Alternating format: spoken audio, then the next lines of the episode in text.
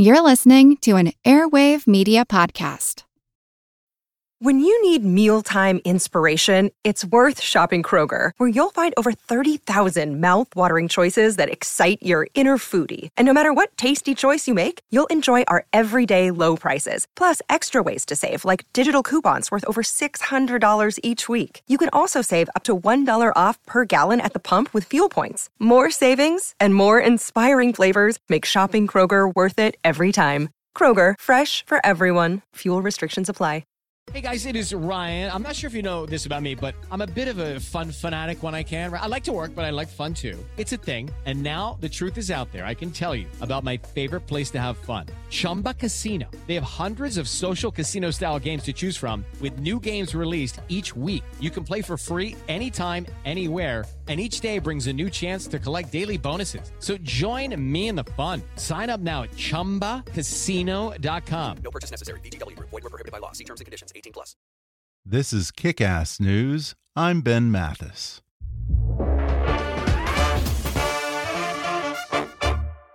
Human Rights Watch is an independent, nonprofit organization known for their accurate fact finding, impartial reporting, and targeted advocacy.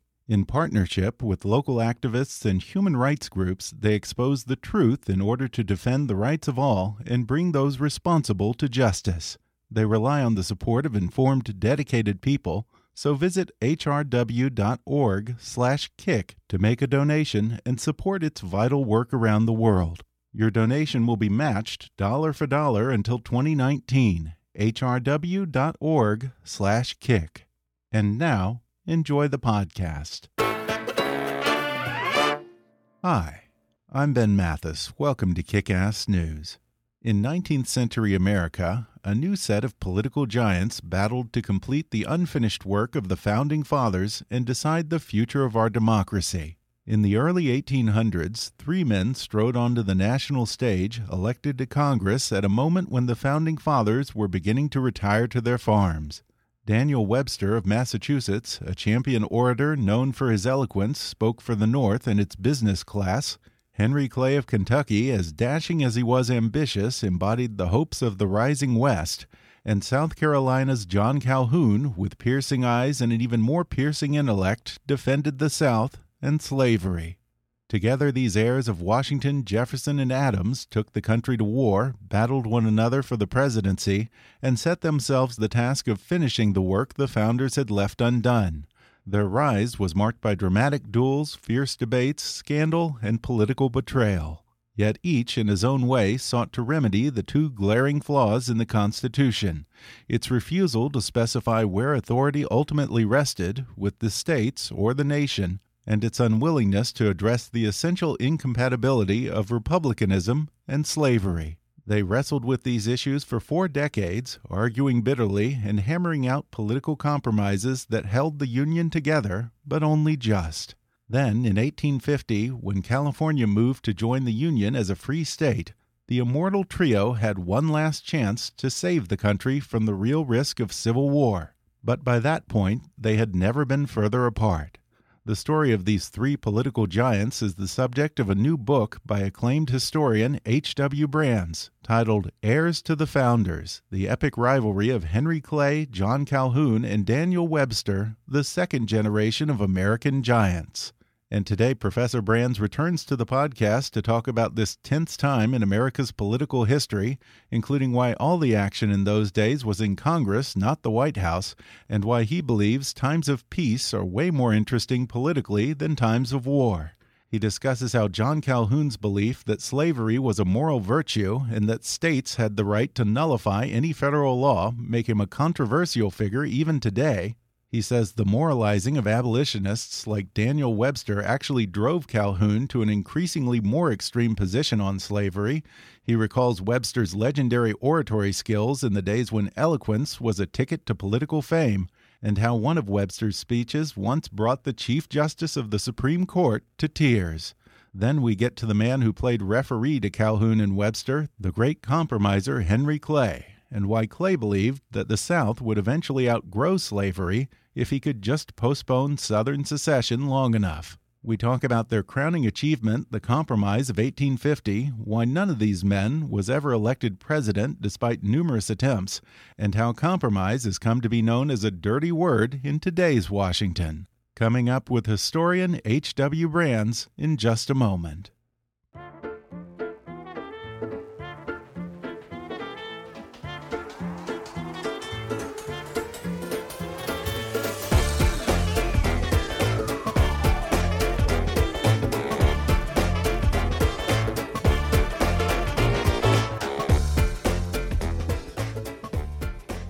Happy to have Professor H.W. Brands back on the podcast today. He holds the Jack S. Blanton Senior Chair in History at the University of Texas at Austin. He's written more than a dozen biographies and histories, two of which, The First American and Traitor to His Class, were finalists for the Pulitzer Prize. And his last book, The General versus the President, was a New York Times bestseller. Now he writes about three of America's greatest politicians you probably don't remember in Heirs of the Founders, the epic rivalry of Henry Clay, John Calhoun, and Daniel Webster, the second generation of American giants. H.W. Brands, welcome back to the podcast. Delighted to be back with you. Well, Bill, I joke about it, but for all their influence and renown in their day, Henry Clay, John Calhoun, and Daniel Webster aren't exactly on the tip of every American's tongue today. Why don't we know these three men better? Because our politics has shifted from one which was focused on Congress during the 18th and 19th century to one that's been focused on the presidents since the beginning of the 20th century. So that we look upon these three men, each of whom tried to become president, as failures because they didn't succeed in becoming president. But in their day, they were the celebrities, they were the rock stars of American politics. They were much better known than most of the presidents of the 19th century because politics, national politics, did center on the Capitol, centered on the House of Representatives and especially the Senate. And these were the three stalwarts of the Senate. Yeah, Congress was where all the action was happening back then. I wonder, what do you think these three political leaders would think if they could see how much power has been concentrated in the executive branch today? They would be astonished and they would feel that the intentions of the framers of the Constitution had been overruled. The Constitution makes it very clear that Congress is going to be the branch of government of the three that takes the initiative. Article 1 of the mm-hmm. Constitution is devoted to Congress. It's only Article 2 and 3 that are about the executive and the judiciary. And the framers intended that this should be a, a parliament driven, a Congress driven government. Presidents are called the chief executives because they're supposed to simply execute the will of Congress.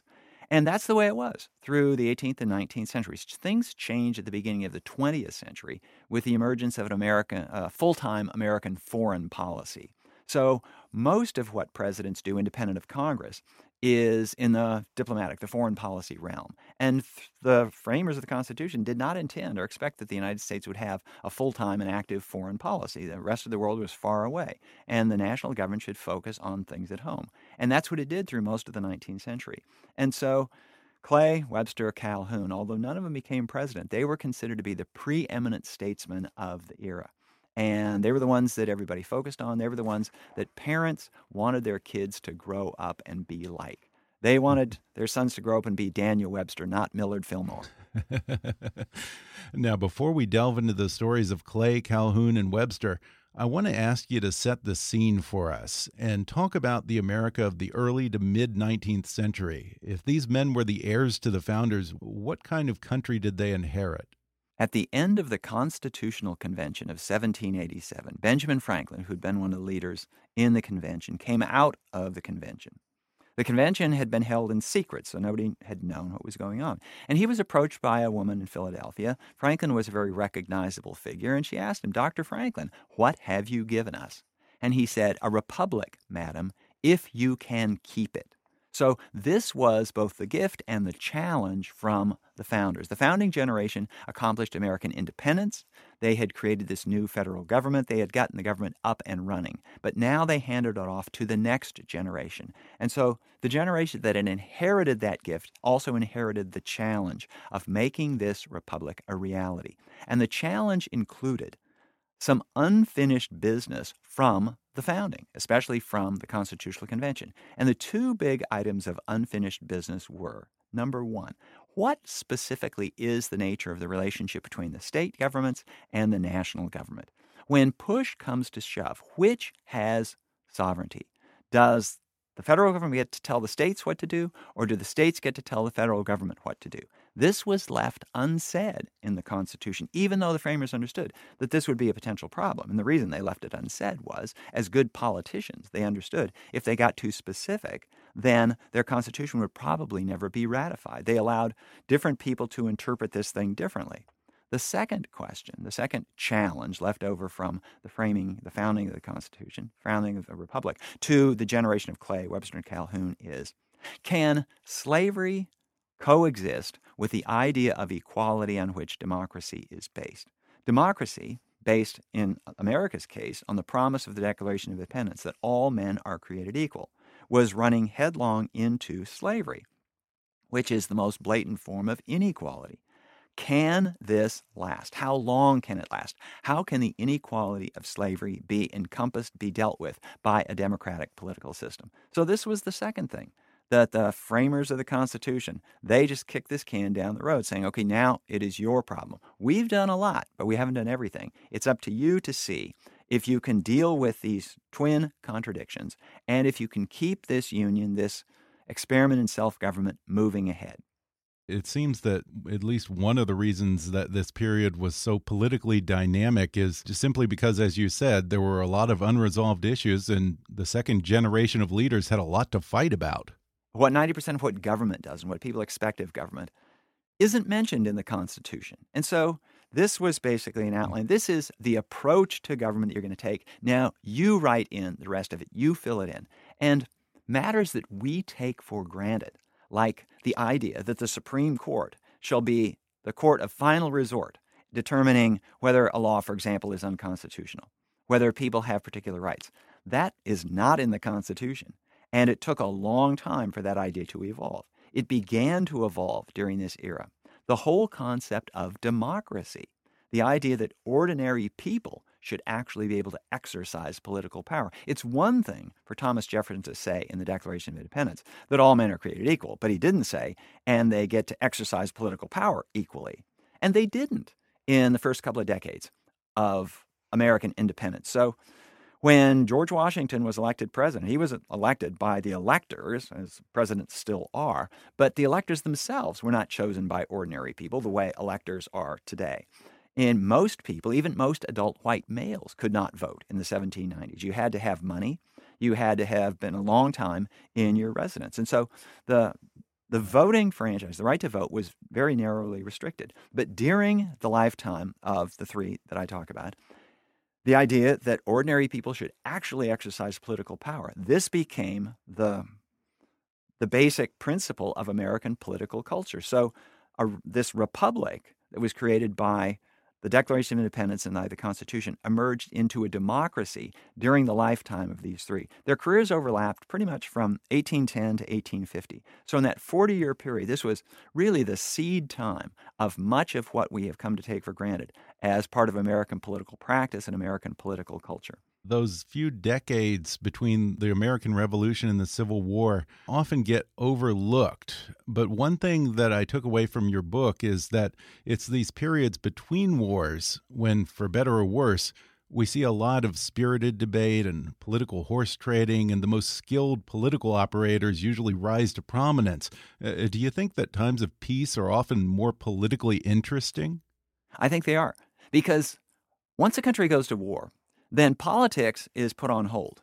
Because in war, you don't have to persuade your opponents, you can coerce your opponents. And so, to mm-hmm. jump down to the Civil War, the South was not convinced that it had gotten it right about it's the right of states to secede. They simply lost the war, and the North prevailed on the battlefield, not on the field of debate. And so there are things that are possible, things that are that happen much more rapidly during wartime. During peacetime, you actually do have to persuade people. You have to acknowledge that your opponents have a right to their opinions and they have a right to a seat at the table and they have to be accommodated. This was the golden age of American compromise. Henry Clay was called the great compromiser. And yeah. and nowadays To call somebody a compromiser is usually not a compliment, but in those days it was because there was this understanding that democracy is fundamentally fragile. It has to be tended. And compromise, compromise is one of the highest virtues, and the ability to compromise is one of the highest arts in a democracy. The whole idea is to preserve the democracy on the understanding that democracy will eventually get it right or closer to right. But don't insist that democracy get it all right today, because if you do that, then you sow the seeds of democracy's destruction. In those days, like you said, compromise was a skill and a virtue, but now compromise is pretty much a dirty word. What do you think has changed about how we interpret that word, compromise? The interpretation of the word is not so much different um, from what it was then. It's just that the values Mhm. that are added on top of it. But I will point out that this generation of compromisers, so as I said, my three protagonists, they live into the early 1850s, but then they die. And within 10 years of their death, the spirit of compromise had evaporated. They were succeeded by people who did not compromise, people who wanted to push Mhm. things to the limit. And so I don't know where we are in the recycling of history. Uh, it's true that I, I think that the spirit of compromise has been gravely diminished. If you look at the great accomplishments of American government, and whether you like them or not, these are big things that happened over the last 70 or 80 years. So the Social Security Act of 1935 was passed with a substantial number of Republican votes. Same thing with Medicare in the Sure. 1960s. So uh, the civil rights reforms of the 1960s, these were bipartisan measures. Even the welfare reform, the tax reform, the Immigration Act of the 1980s under Ronald Reagan, these are bipartisan. But bipartisanship has pretty much gone by the boards. And it's impossible to get so the Affordable Care Act of 2010, not a single Republican voted for it. The Trump taxes, most recently, these are overwhelmingly Republican measures. And so we've lost that spirit of compromise. Now, I'm not predicting that this will lead to another civil war, but I will point out that when the spirit of compromise was lost after my three protagonists died, it did lead to a civil war. Now, one of the reasons it did was that the issue that was most contested had a strong moral component as well as an economic and political component, that is slavery, hmm. but also because the country was divided along sectional lines. So you could just take the slave South and it could imagine divorcing itself from the rest of the country. Now the big divide is not sectional, but it is partisan. And at least so far, it's not the case that all the Republicans live in some states and all the Democrats live in other states. But I will say that the country is getting bluer in the blue states and redder in the red states. So it's Yeah. not out of the question that something like the 1850s could recur in the 2020s, let's say. Now, let's talk about these three men themselves. And I want to start with the one who was and is to this day still probably the most controversial figure of the three, John Calhoun. Man, this guy loved slavery. I mean, he, he went way beyond the Southerners who talked about slavery as a necessary evil or the peculiar institution. Well, what did he consider so virtuous about slavery? One of the things that I describe in some detail in the book is the evolution of John Calhoun's thinking on this subject. Mhm. Because when he entered politics, he took pretty much the same view of slavery as everybody else at the time did that slavery was a necessary evil. And it was, he didn't try to paint it over and say this is a good thing. That would come later. That was another 25 years down the road. But like George Washington, like Thomas Jefferson, like Henry Clay, like a lot of Northerners and Southerners both, it was an evil, but there are lots of evils in the world. And so poverty is an evil, disease is an evil, war is an evil. And so slavery wasn't a peculiar evil at the time. And it was necessary, just as some people think even today that war is a necessary evil. You have to sometimes go to war and people get killed. Well, slavery was necessary to till the fields of the South. So that was the thinking. But Calhoun's view changed over time. It changed in part because he lost his, he found his national political ambitions frustrated. He ran for president in the 1820s, but he didn't win. He was twice vice president, but he realized he would never be president of the whole United States. So he threw his lot in more energetically with his section than with the nation as a whole. But a second element developed, and that was the rise of abolitionism. In the 1780s, at the time of the writing of the Constitution, slavery was not usually cast in moral terms.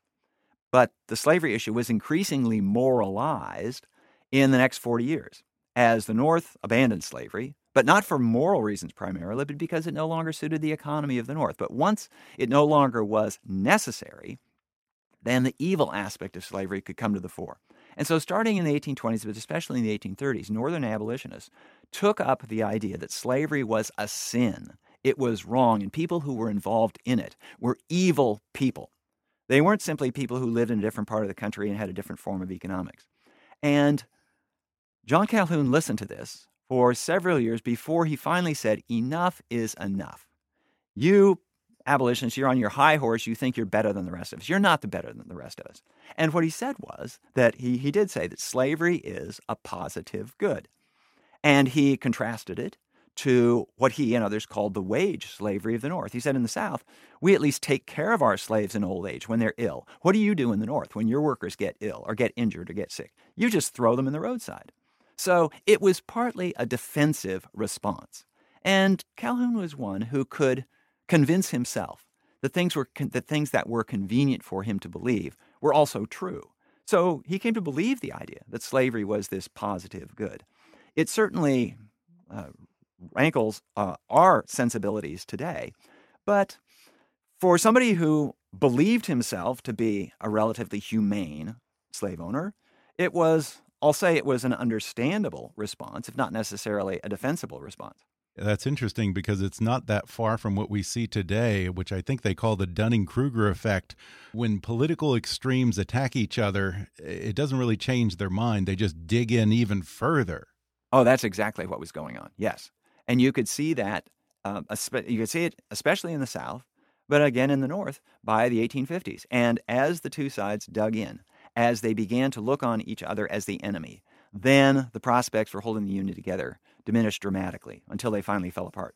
You know, they also say that, that when you attack an opponent morally, it leads to far more rancor than attacking an opponent based on the issues. So you can definitely see that with the rise of abolitionists and talking about slavery in moral terms, uh, I imagine Southerners probably took that as a personal attack and then doubled you down. You bet. Yeah. If if if somebody calls me wrong, that's one thing. But if they call me sinful and say I'm going to the hell, well, that's something else again. Now, Calhoun also espoused something called the nullification theory, which looking back strikes me as a complete recipe for chaos. What was this idea behind nullification? I mentioned earlier that the Constitution does not say that the Supreme Court can weigh in on whether laws passed by Congress are constitutional or not. There's no mechanism in the Constitution. So, what happens if Congress oversteps its bounds? Who shall rein Congress in? In our day, we've accepted that that is the job of the Supreme Court. But the Supreme Court hadn't claimed it yet. It did initially under John Marshall, but it didn't exercise that again until the 1850s. And so what Calhoun said, somebody's got to do it. Actually, Calhoun was not the first. James Madison, the father of the Constitution himself, in response to the Alien and Sedition Acts of 1798, said that when Congress oversteps, the Alien and Sedition Acts were a blatant violation of the First Amendment to the Constitution. They outlawed political dissent. And Madison said, when this happens, the states can interpose, and the states can block the enforcement of these federal laws. Thomas Jefferson partnered with Madison on the same thing in producing what were called the Kentucky and Virginia resolutions. And they essentially said it's the states that have the right, the responsibility to determine when the federal government has overstepped. So that was the first installment of that. Daniel Webster, who would become the greatest defender of the Union amid the War of 1812, which really alienated most of New England as flying in the face of their commercial interests, their commercial connections with Britain. He developed the idea further, saying that the states had created the central government and if the states conclude, if some of the states conclude that their interests are no longer served by attachment to the federal government, they can withdraw. They can withdraw their connection. They can secede. This is Daniel Webster. This is 1814. John Calhoun would develop the idea further when South Carolina objected to a tariff that the national government had passed in 1828 that was clearly against the interests of most Southerners and clearly in the interests of Northern manufacturers. And Calhoun thought this was an abuse of the part of the Constitution that says that Congress can levy imposts, that is, tariffs. And so he develops basically the question is who will restrain the central government? And Calhoun said the states will do it. This is the doctrine of nullification. Well, what happens if the federal government ignores a state's assertion of the nullification right? What if the federal government tries to force the state to comply with the law? Then, said Calhoun, the states can secede. So Calhoun was simply taking an idea that had put out, been put out first by Thomas Jefferson, James Madison, and reiterated by Daniel Webster, and developed further elaborate elaborated into the doctrine of nullification, followed potentially by secession. And that was the blueprint that South Carolina first and other southern states followed in the early 1860s. We're going to take a quick break, and then I'll be back with more with historian H.W. Brands when we come back in just a moment.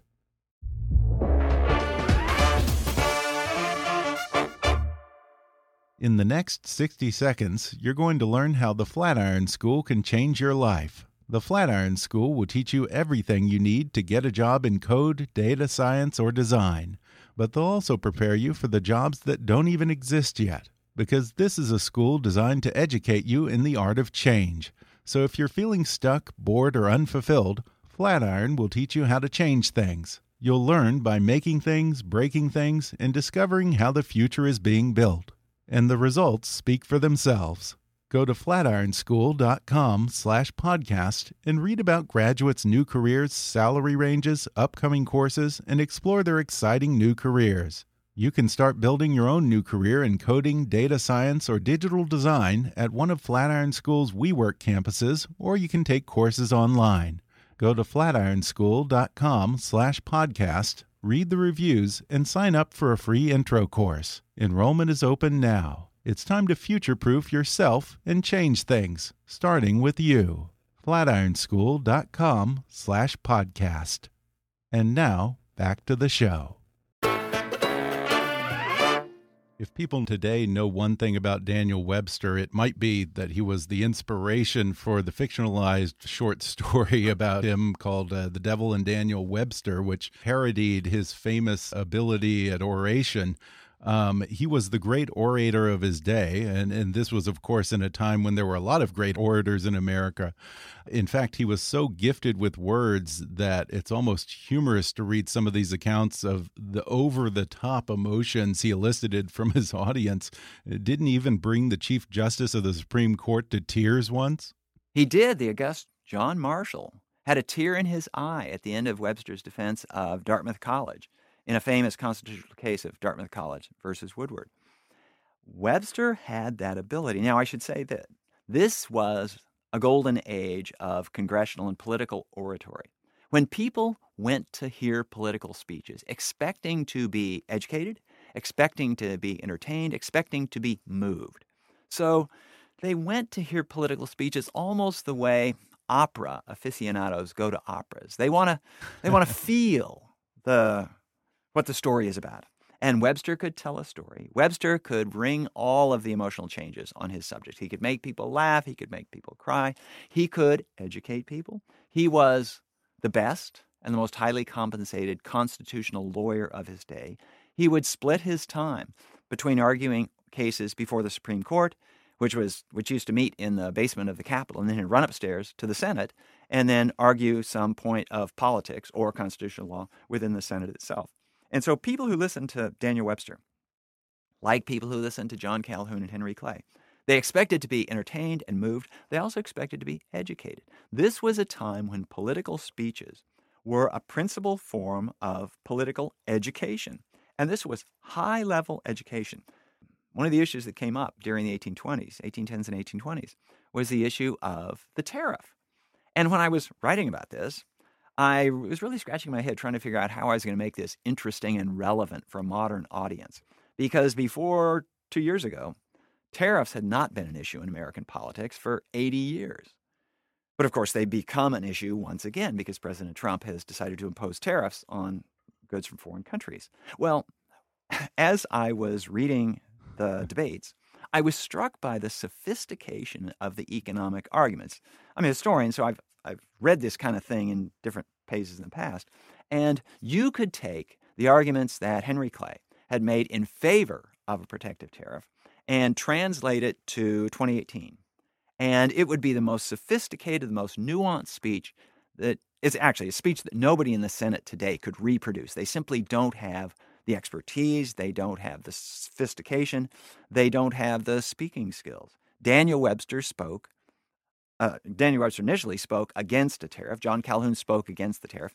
If you transported them to the Senate today, those speeches would be better than anything we've heard in the Senate on the subject. This because political speeches in that era changed people's minds. And people took political speeches very seriously. People still give political speeches. Turn on C-SPAN and you can watch speeches in the Senate, in the House of Representatives. But nobody's actually in the chamber. They're just speaking to the camera. Well, people, they spoke right. to real audiences in those days. And the word got out quickly after they spoke. Daniel Webster, in particular, used to make a point of ensuring that his speeches would be set into type and printed up within 24 or 48 hours and distributed around the country. They were actually sold around the country. It was a side income for Webster, who was always uh, looking for a separate income stream. But the word got out, and people all around the country had a much more sophisticated view of the important political issues of the day. These were not the things that kind of can be reduced to bumper stickers or tweets. These were speeches that took an hour, two hours, sometimes five or six hours over two or three days to give. But people followed along. They followed the argument and they made up their minds accordingly.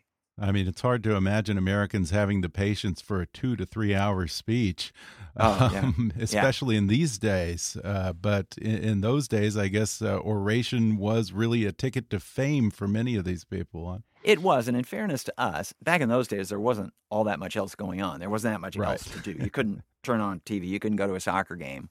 You couldn't, you know, get on Facebook. So there were there was less competition for the attention of people who are interested in public policy.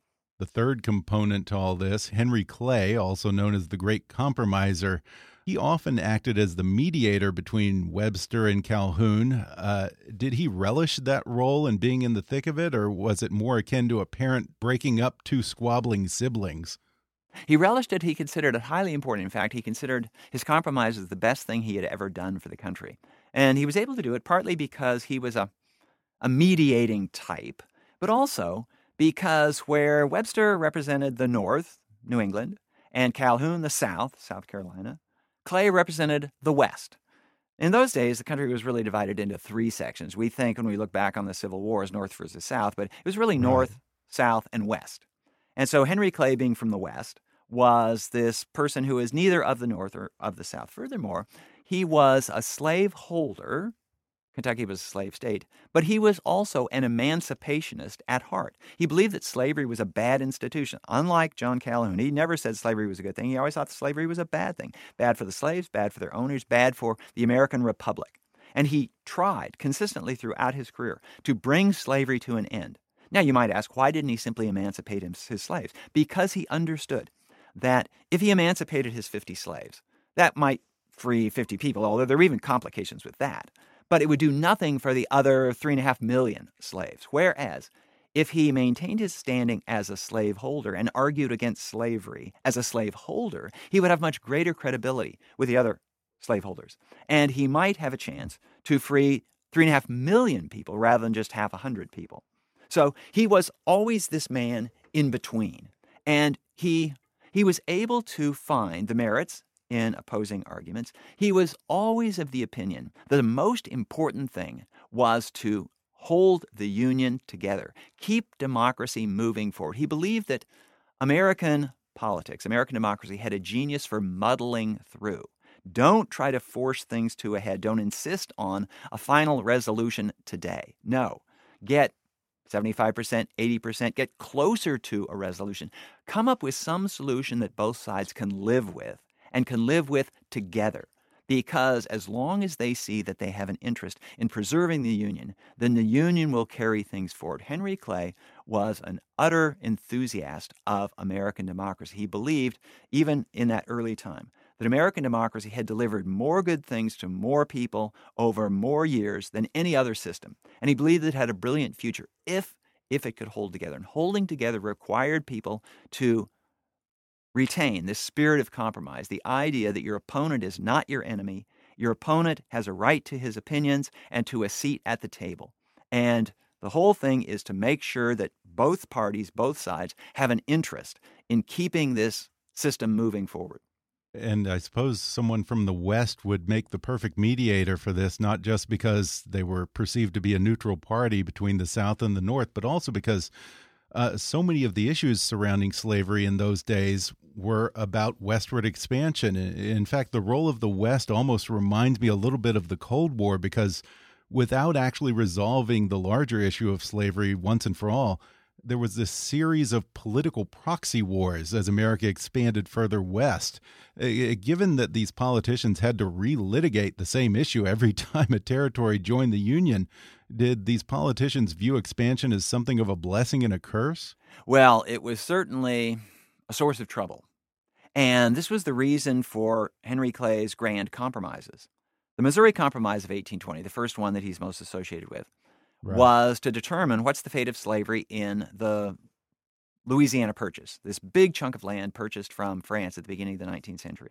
And the compromise was that the compromise was that Missouri would enter the Union as a slave state, plus for the South.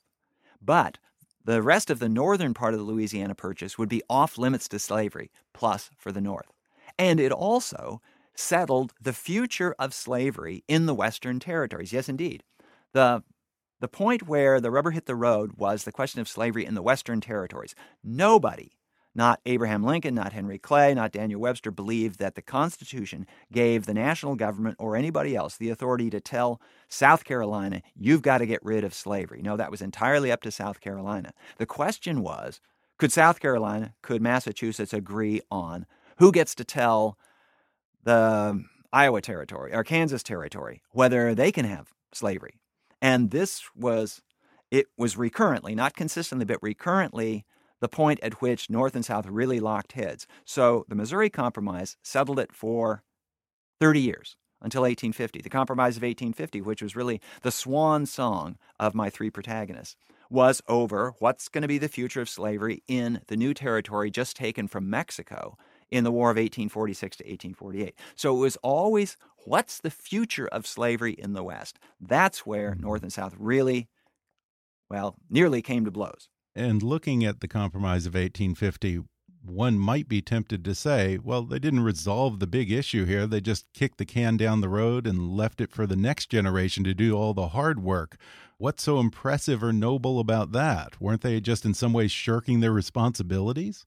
No. In fact, they were doing exactly what they should have been doing because the problem was you could not resolve the issue once and for all because two sides, each with a, a constitutional right to its opinions, had diametrically opposed views. So increasingly, Northerners thought slavery was this bad thing and at least ought to be limited, if not eliminated. And the South was digging its heels in in defense of slavery. And under America's Constitution, the North could not tell the South what to do about slavery within the South and the South couldn't tell the North what to do about slavery in the North. But they had to fight over what was going on in the West. And the Compromise of 1850 resolved the issue for the West. And Henry Clay believed that kicking the can down the road was exactly what each generation needed to do. Because if each generation insisted on trying to resolve these bitterly contested issues, then one side at least was walk, going to walk away from the table feeling aggrieved and alienated.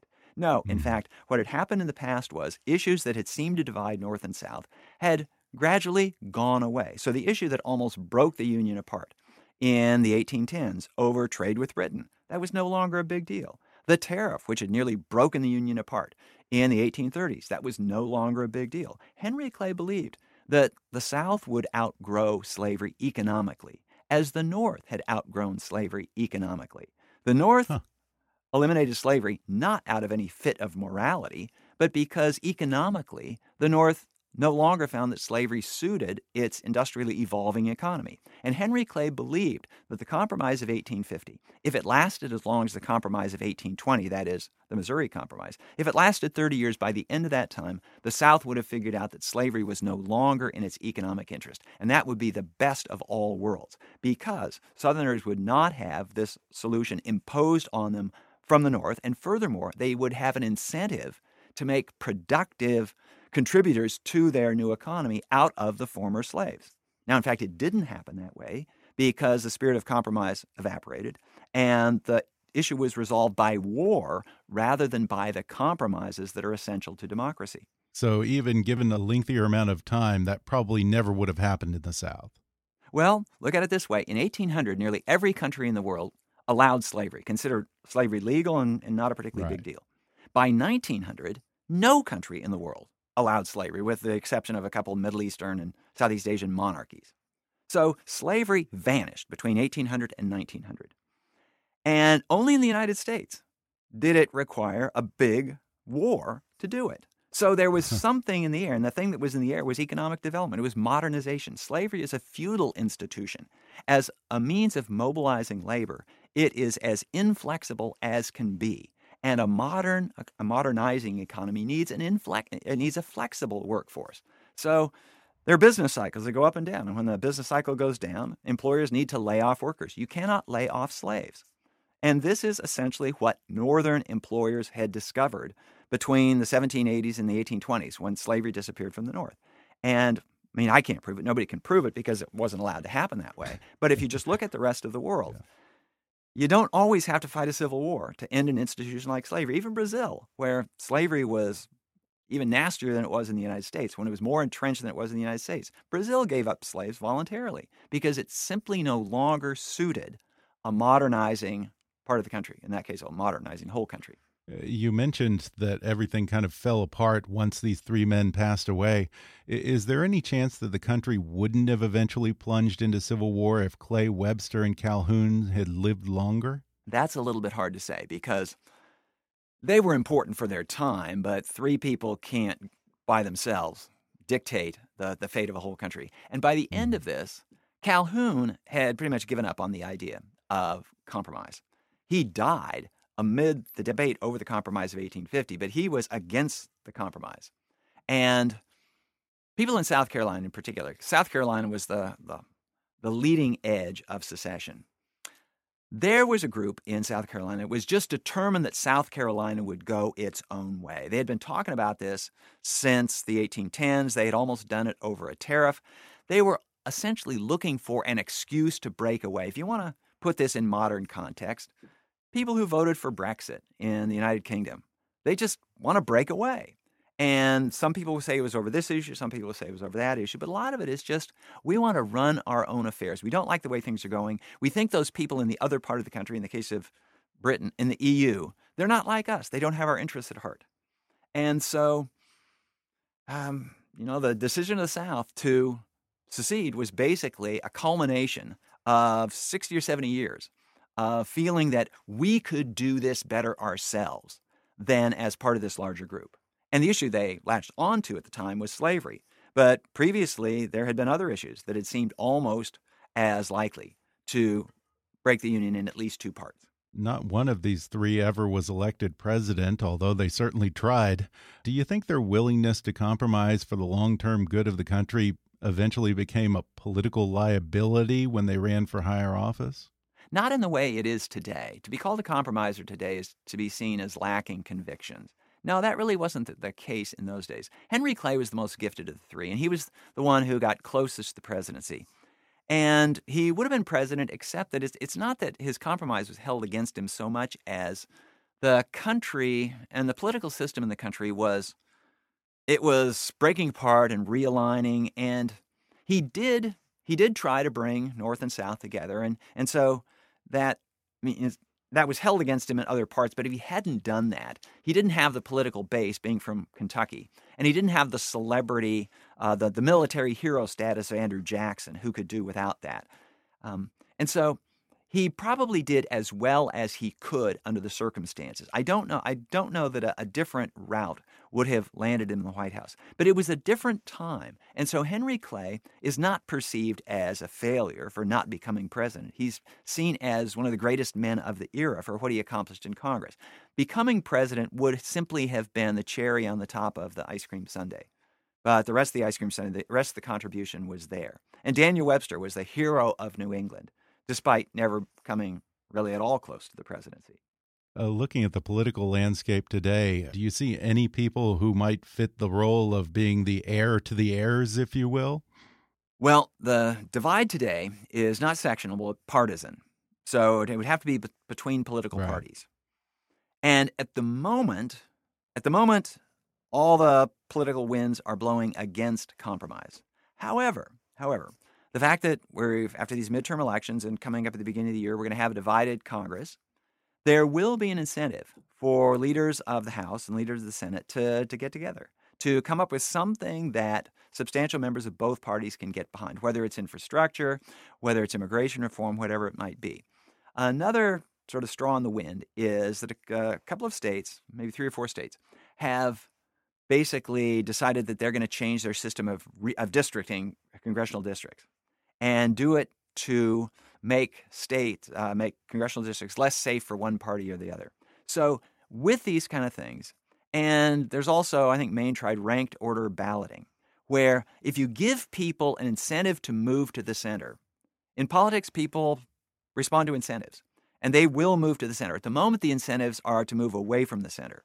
But if you change the incentives a little bit, and they don't have to be huge changes, and it doesn't require a change in human nature or a change in politicians' hearts. Just tell them what they have to do to win. And if winning, if people who manage to reach across the aisle and get other people on board can win, then other people will follow their example. So mm-hmm. I'm not utterly discouraged. I, I'm a little bit skeptical. I don't think it's going to happen immediately, but I certainly hope that it does. I hope that we are not at the beginning edge of the 1850s, where at the end there is the breakup of the Union. I, I hope we're not there now. I hope we can find a way back. So I'd, I'd like to think we're in the 1830s rather than in the 1850s. I hope so too. And I really, really enjoyed the book. Again, it's called Heirs of the Founders The Epic Rivalry of Henry Clay, John Calhoun, and Daniel Webster, the second generation of American giants. H.W. Brands, thanks so much for talking with me. My pleasure. It's good to talk to you. Thanks again to H.W. Brands for coming on the podcast. Order his book, Heirs to the Founders The Epic Rivalry of Henry Clay, John Calhoun, and Daniel Webster, the second generation of American giants, on Amazon, Audible, or wherever books are sold.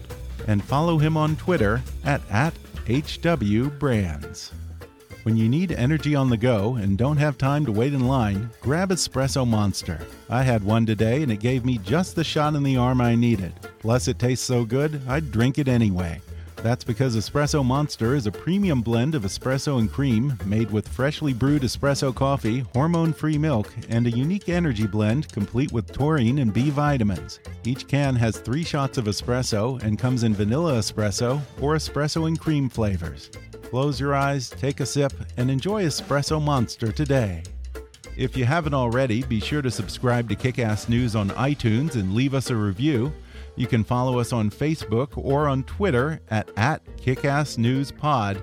And as always, I welcome your comments, questions, and ideas at comments at kickassnews.com. I'm Ben Mathis, and thanks for listening to Kickass News.